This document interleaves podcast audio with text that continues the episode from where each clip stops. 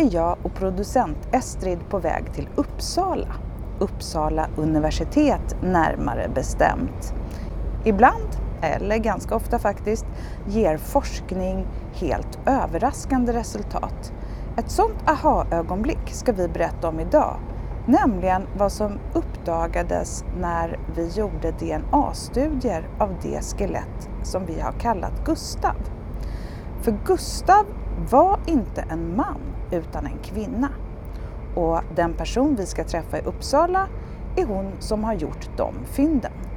Välkommen till Vasamuseets podd med mig, Katrin Rising.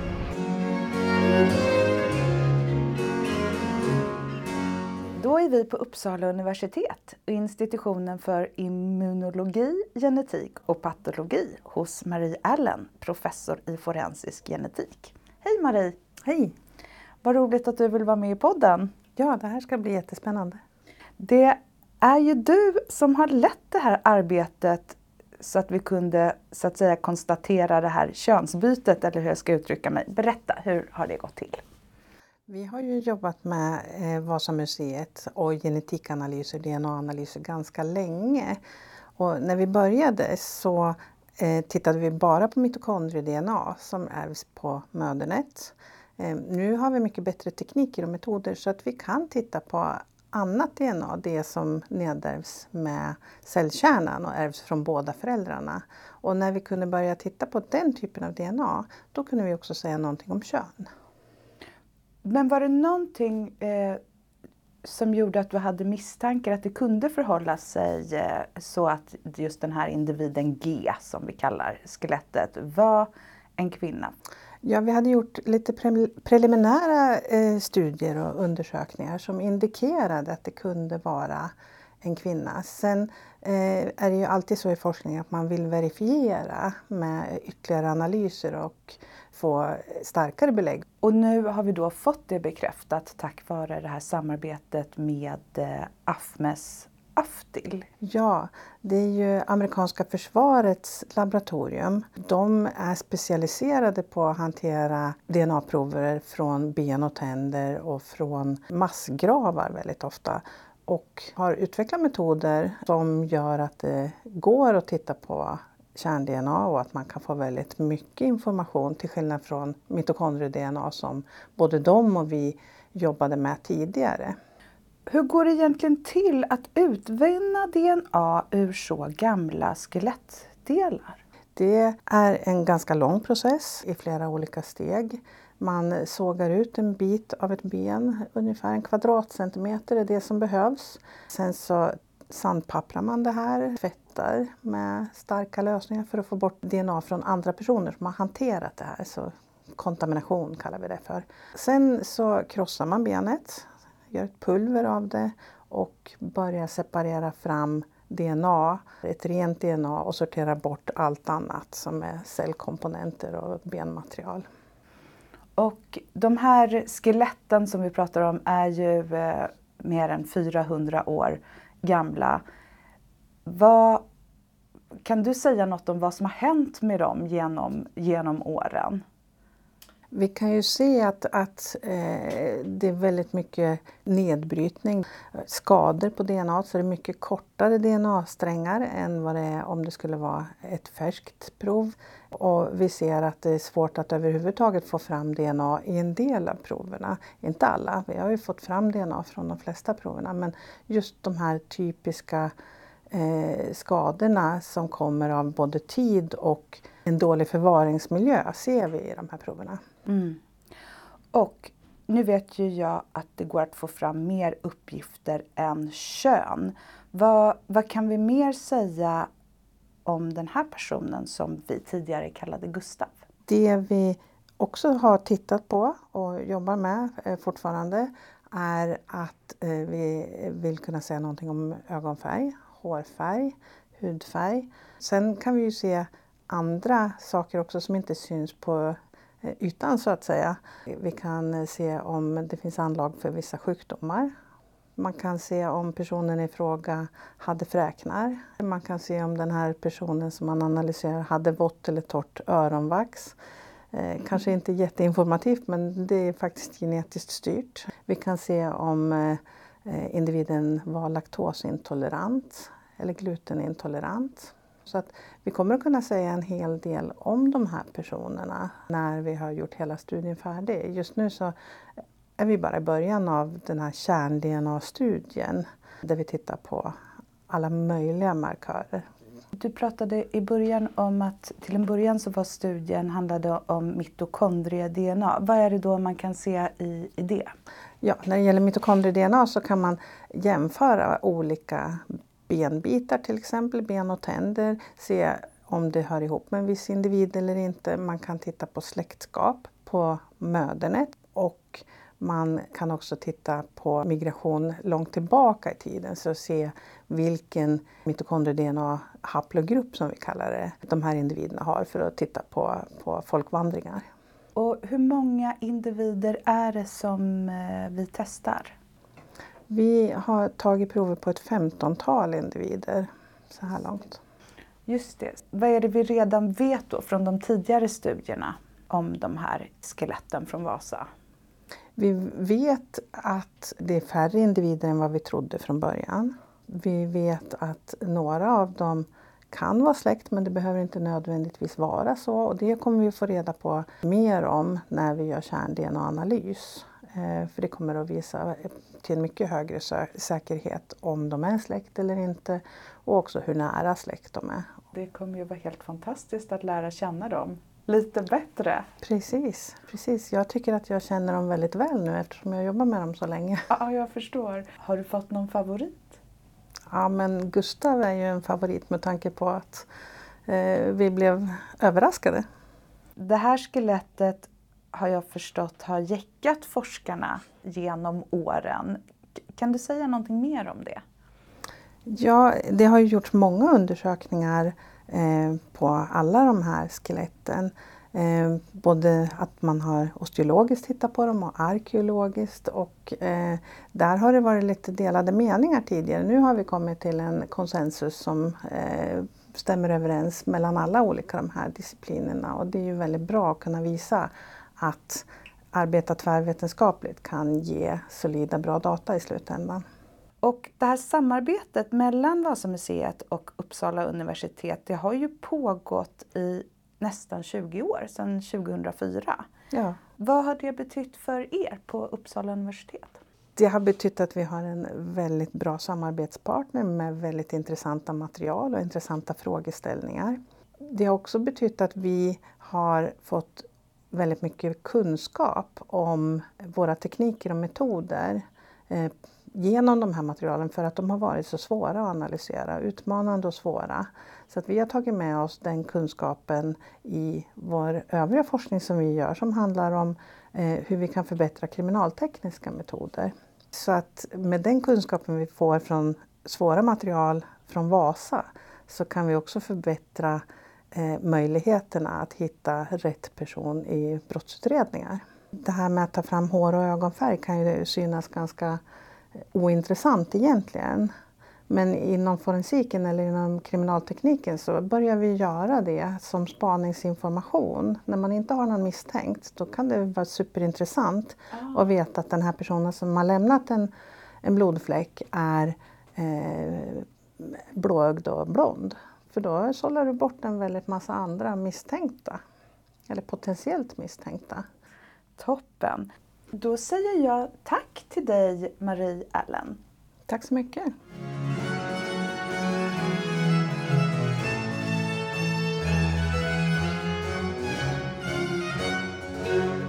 Och nu är vi tillbaka på museet och träffar Anna-Maria och Fred.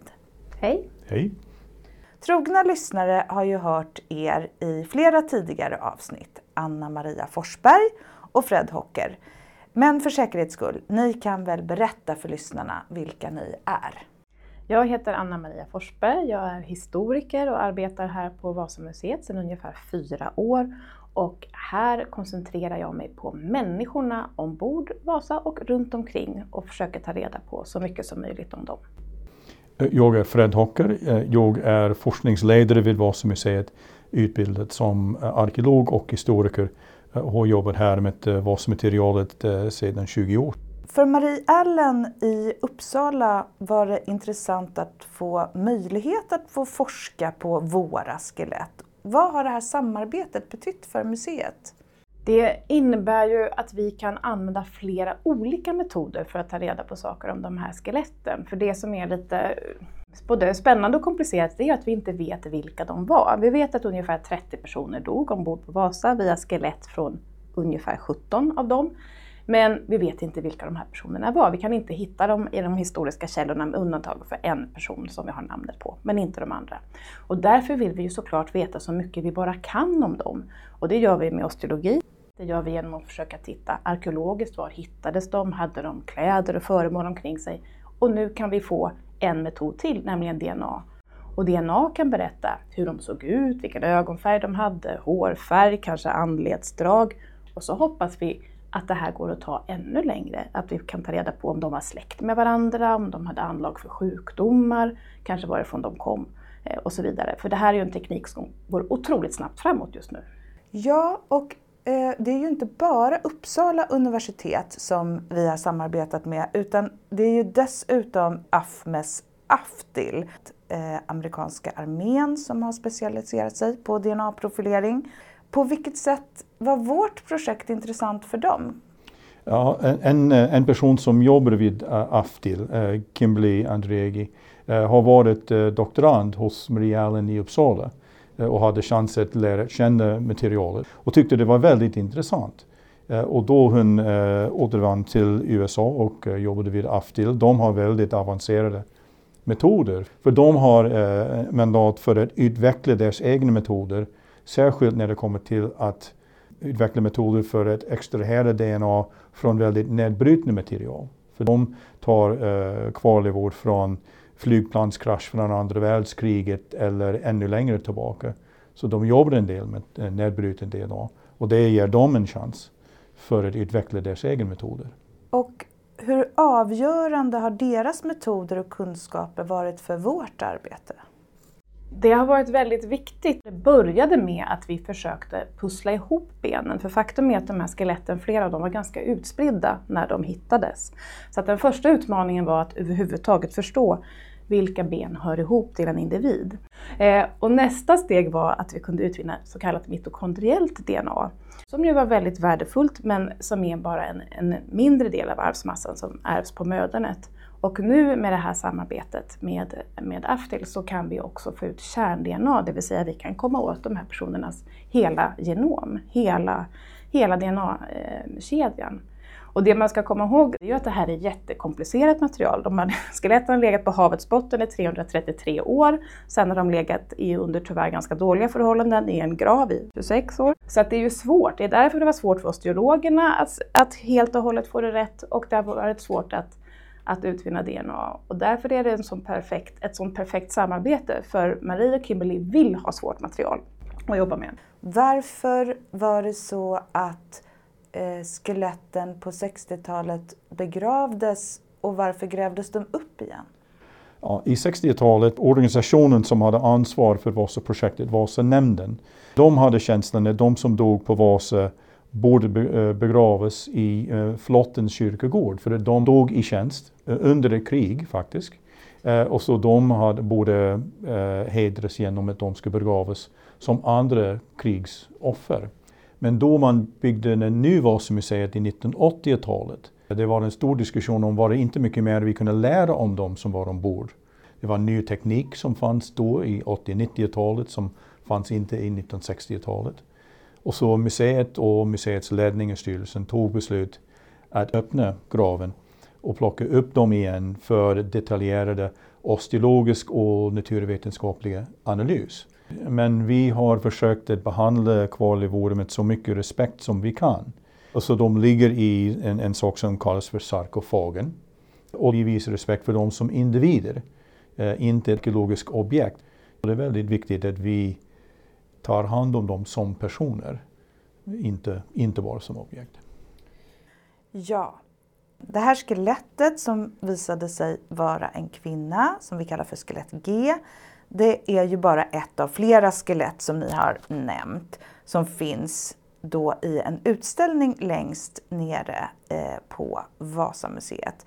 Vad vet vi om de här personerna idag? Du Anna-Maria sa att det var ungefär 17 personer. Det är ju att de var med på Jungfrufärden, att eh, flertalet förmodligen arbetade som båtsmän ombord. Men vi vet ju också att de här båtsmännen hade fått ta med sig hustrur och barn på färden. För det här var ju en lite speciell resa. Och det står ju i Gabriel Oxenstierna, han var bror till Axel, den mer berömde rikskanslern. Han, eh, Gabriel skrev ett brev till sin bror Axel och berättade om den här olyckan. Och i det brevet så står det att omkring 30 personer dog, båtsmän och hustrur och barn som ville följa med till Vaxholm. Så att vi kan föreställa oss att den här dagen så var det naturligtvis officerare och befäl med och där har vi namnet på flera som överlevde och på en som dog, eh, Hans Jonsson. Och sen var det gemena båtsmän och deras familjer. Men mer vet vi inte från de skriftliga källorna. Vi, vi kanske kan konstatera att eh, en av de som dog ombord var, var en av skeppets löjtnanter. Enligt bemanningslisten borde skeppet ha haft två löjtnanter och bara en var med i förhöret efter förlisningen. Det är helt riktigt. Och vi tänker ju där att vi vill, eh, förutom då den här DNA-forskningen och alla föremål och allting vi ska prata om idag, så vill vi också gräva vidare i de, i de historiska källorna och se om det går att hitta mer. Men om vi, om vi går tillbaks till, till de här mänskliga kvarlevorna så är det ju spännande därför att de är ju kunskapskällor på många olika sätt. Vi kan utvinna DNA som vi har pratat om och försöka förstå dem bättre, men själva benen berättar ju också väldigt mycket. Och där kan ju skickliga osteologer visa att många av dem har skador till exempel. De har levt ett ganska tufft liv, ett stort antal frakturer på de här personerna, säkert både av olyckor och kanske mer våldsamma saker, att man antingen har varit i slagsmål eller varit med om att bli agad eller, eller så. Eh, många av dem har också ganska stora problem med sina tänder. De har dragit ut mycket tänder, har mycket hål, har mycket tandköttsinflammationer eh, och så, så att de kanske gick runt och var lite arga och hade tandvärk allihop, eller ja. flera av dem i alla fall. Ja. Ehm, och sen kan vi också säga någonting om deras längd och ålder utifrån benen. Ja, då har vi pratat väldigt mycket om vad vi kan ta reda på, men vad är det då vi vill ta reda på? Anna-Maria, vad vill du veta om G och de andra individerna vi har eh, mänskliga kvarlevor från? Vi vet ju ganska lite om vanliga människors liv på 1600-talet. Om vi tittar på vår kunskap så vet vi ju massor om kungar och drottningar och deras eh, matvanor och levnadsvanor och hur de levde och dog och hur de pratade, hur de formulerade sig och hur de bestämde saker och så vidare. Men när det gäller vanliga människor så möter vi dem ju nästan bara om de hamnar inför rätta. Och då kan vi få veta spännande saker om dem. Men annars blir de lätt anonyma för oss om vi går till arkivet. Men här har vi ju den unika möjligheten att möta de här vanliga människorna i en för dem också liksom naturlig situation. Så då kan vi ta reda på vad, vad packade man om man skulle ut på en sån här resa. Några av de som var ombord på Vasa, de, de gick ju i tjänst och hade säkert med sig föremål för hela sin tjänstgöring och de visste inte vad de skulle. De visste att första anhalten var Älvsnabben. Där skulle fartyget eh, lasta på 300 soldater och säkert eh, proviant och ytterligare utrustning och så vidare. Och sen skulle Vasa höra till en eskader som till en början skulle ligga och bevaka skärgården. Men det var nog ganska sannolikt om Vasa inte hade sjunkit att den hade skickats eh, till Polen eller Danmark. Så några av de här personerna de gick ju ombord med tillhörigheter säkert för flera månader och en sån tanke att nu ska jag verkligen ut och resa. Och vi har ju de här packningarna. Vi har deras kistor och tunnor med extra kläder och strumpor och eh, pipor och någonting att dricka och lite matsäck och saker för att laga kläder och skor. Så det här kan ju berätta jättemycket spännande om de här personerna. Och när vi kombinerar det med de här skeletten och vi kan ta reda på om dem, då tror jag att vi kan tillsammans eh, pussla ihop en liksom ganska levande bild av 1600-talets samhälle.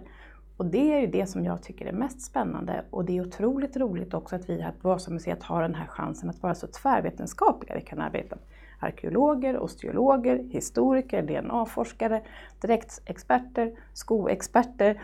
Eh, vi kan göra isotopanalyser. Alltså det finns en helt enorm palett av metoder. Men syftet är ju såklart att komma de här människorna så nära vi bara kan. Och nu vet ju jag att du, Anna-Maria, forskar på just båtsmans hustrur. Vad är det som gör dem extra intressanta? Jo, men om man tänker på Vasa eller om man tänker på flottan på 1600-talet, då tror jag de allra flesta mest tänker på kanoner och eh, sjömän i snygga uniformer. Eh, men det där är ju en, en, ganska felaktig bild. Dels så hade de inte fått uniformer än och dels så var det här en mycket mer komplex verksamhet. Och 1600-talet generellt sett bygger väldigt mycket på familjen och på hushållet. Det är väldigt svårt att klara sig på egen hand i det här samhället. Dels för att man får en väldigt låg social status som ogift och dels för att man behöver pengar och trygghet. Och som båtsman tjänar man inte särskilt bra, utan mycket tyder på att man faktiskt ville och behövde vara gift. Eh, och jag såg bara häromdagen en källa som jag blev jättefascinerad av. Det är en mantalslängd från 1634 från Stockholm där alla i norra förstaden finns förtecknade. Och det var där eh, flottans personal bodde i princip. Och det fanns över 300 båtsmän och det var nästan lika många hustrur. 97 procent av de här i rullan var gifta. Det är ändå en hög siffra. Då ska man veta att det här var ju de som var fast boende i Stockholm och många av de här båtsmännen de kom ju från resten av landet. De var utskrivna eller tvångskommenderade från Uppland, Finland, Åland. Eh, och eh, i, där, där var det säkert eh, mer varierat om man var gift eller inte. Men jag tror att man ska inte titta så mycket på individen. Vi är så vana i vår tid att vi är individualister och man företräder sig själv. Och på 1600-talet var det inte riktigt så på samma sätt, utan man var mer en familj. Därför tror jag att man ska börja tänka att det här är båtsmansfamiljer som tillsammans liksom går in i flottan och hjälps åt och får det här att funka. Eh, och det finns tidigare forskning av Anna-Sara Hammar till exempel som har varit med på den förut. Hon har visat hur de här båtsmanshustrurna, de kan driva process för sina makars räkning. De kan protestera när de här makarna blir illa behandlade. De är liksom en, en kraft att räkna med på ett lite spännande sätt. Men det här är för min del forskning som precis har börjat så att jag kommer väl förhoppningsvis få veta mer. Och då tänkte jag gå tillbaka till just vårt eh, samarbete med Uppsala universitet och och AFMES AFTIL. Hur eh, vill vi här på Vasamuseet att de här, det här samarbetet ska fortsätta? Vi har haft det här, samarbetet sedan 2004 då vi först tog DNA-prov eh, i, i grund och botten för att räkna ut vilken ben hörde till vilken person. Och under åren sedan eh, dess har metoden utvecklats, vi har tagit flera prov, vi har varje gång lär vi mycket mer. Och nu den, den här senaste fasen med eh, uh, AFTIL har varit väldigt givande för nu kommer det hela vägen åt hela genomet. Men det finns också analys man kan göra uh, som kan hjälpa att bedöma åldern. Det är någon andra molekyler som föråldras uh, som är kopplat till DNA, inte DNA själv, som kan, analysera, kan analyseras, som ger en väldigt bra idé om åldern vid döden. Men det är också saker man kan göra med DNA-analys det är att undersöka härkomst. Eh, vad är den historiska bakgrunden till var familjen kommer ifrån?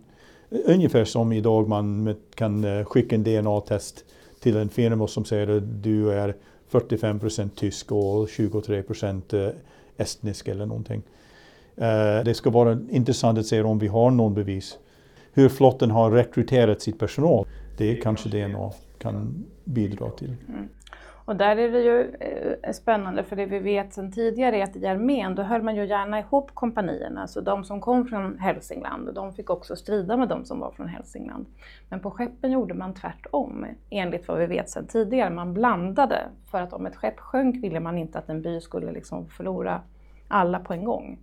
Um, så att, men det, vore också, det skulle ju kanske DNA kunna då bekräfta att man ser att de kommer från, eh, från skilda platser till exempel. Eller motbevisa om de alla kommer från samma ställe.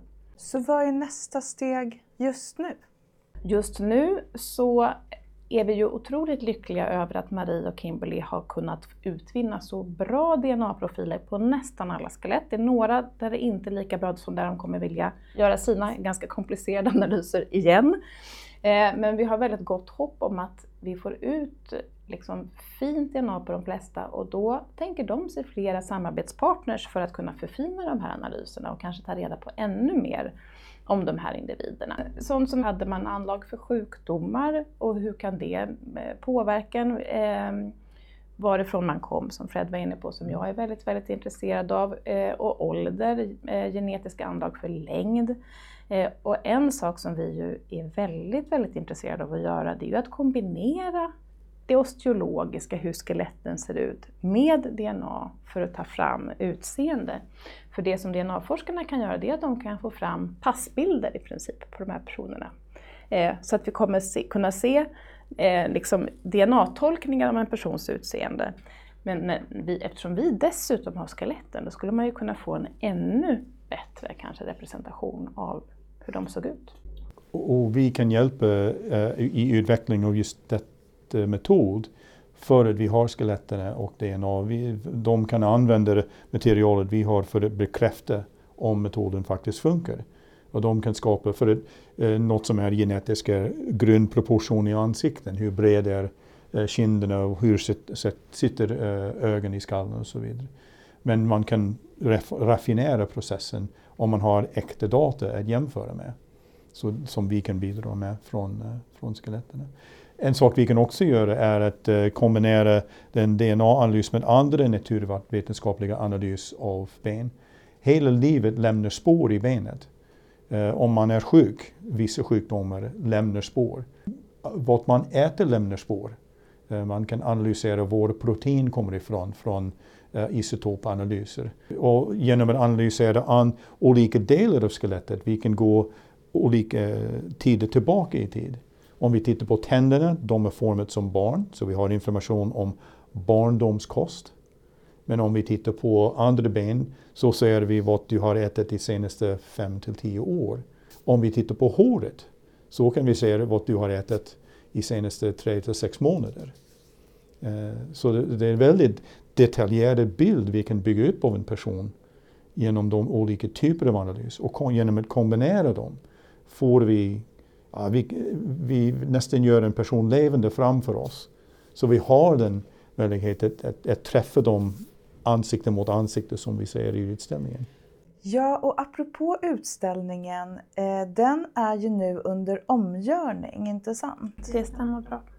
Eh, för till exempel så har vi ju en, eh, en ansiktsrekonstruktion av det här skelettet som vi har hittills kallat för Gustav. Men vi, vi har faktiskt två.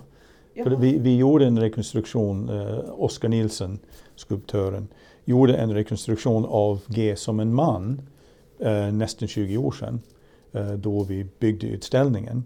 Och nu har vi begärt honom att göra en ny rekonstruktion av G som en kvinna. Det kan vara väldigt intressant att ställa ut båda för att lyfta frågan om könsidentitet vad menar vi med könsidentitet och hur, hur kan vi bedöma arkeologiskt? Hur, hur kan vi komma åt den frågan för tidigare personer?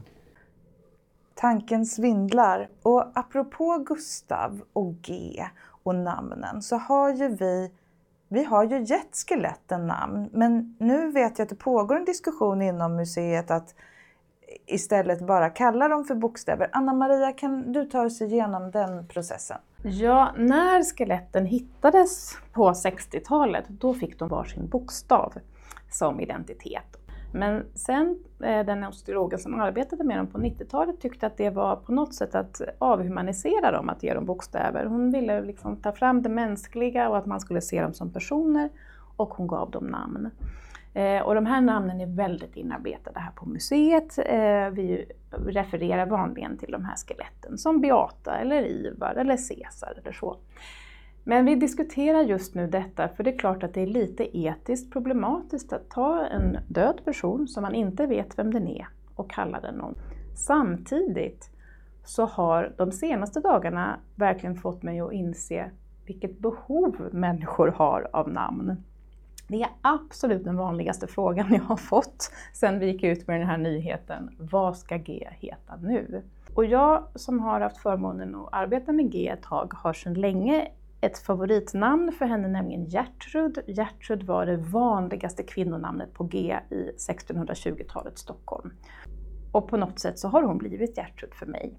Så vi får se var vi landar i den här diskussionen. Det är, jag tycker att det finns goda argument egentligen för båda linjerna. Men kanske blir hon Gertrud. Ja, det återstår att se och därmed så ska jag tacka dig Anna Maria Forsberg för att du ville vara med och även dig Fred Hocker. Tack till er båda. Tack själv. Tack, tack.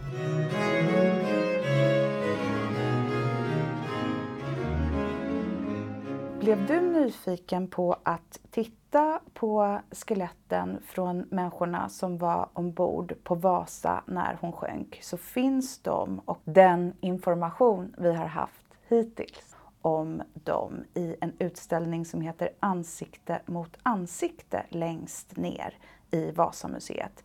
Den här utställningen kommer nu att göras om eftersom vi har nya forskningsfynd om de här människorna.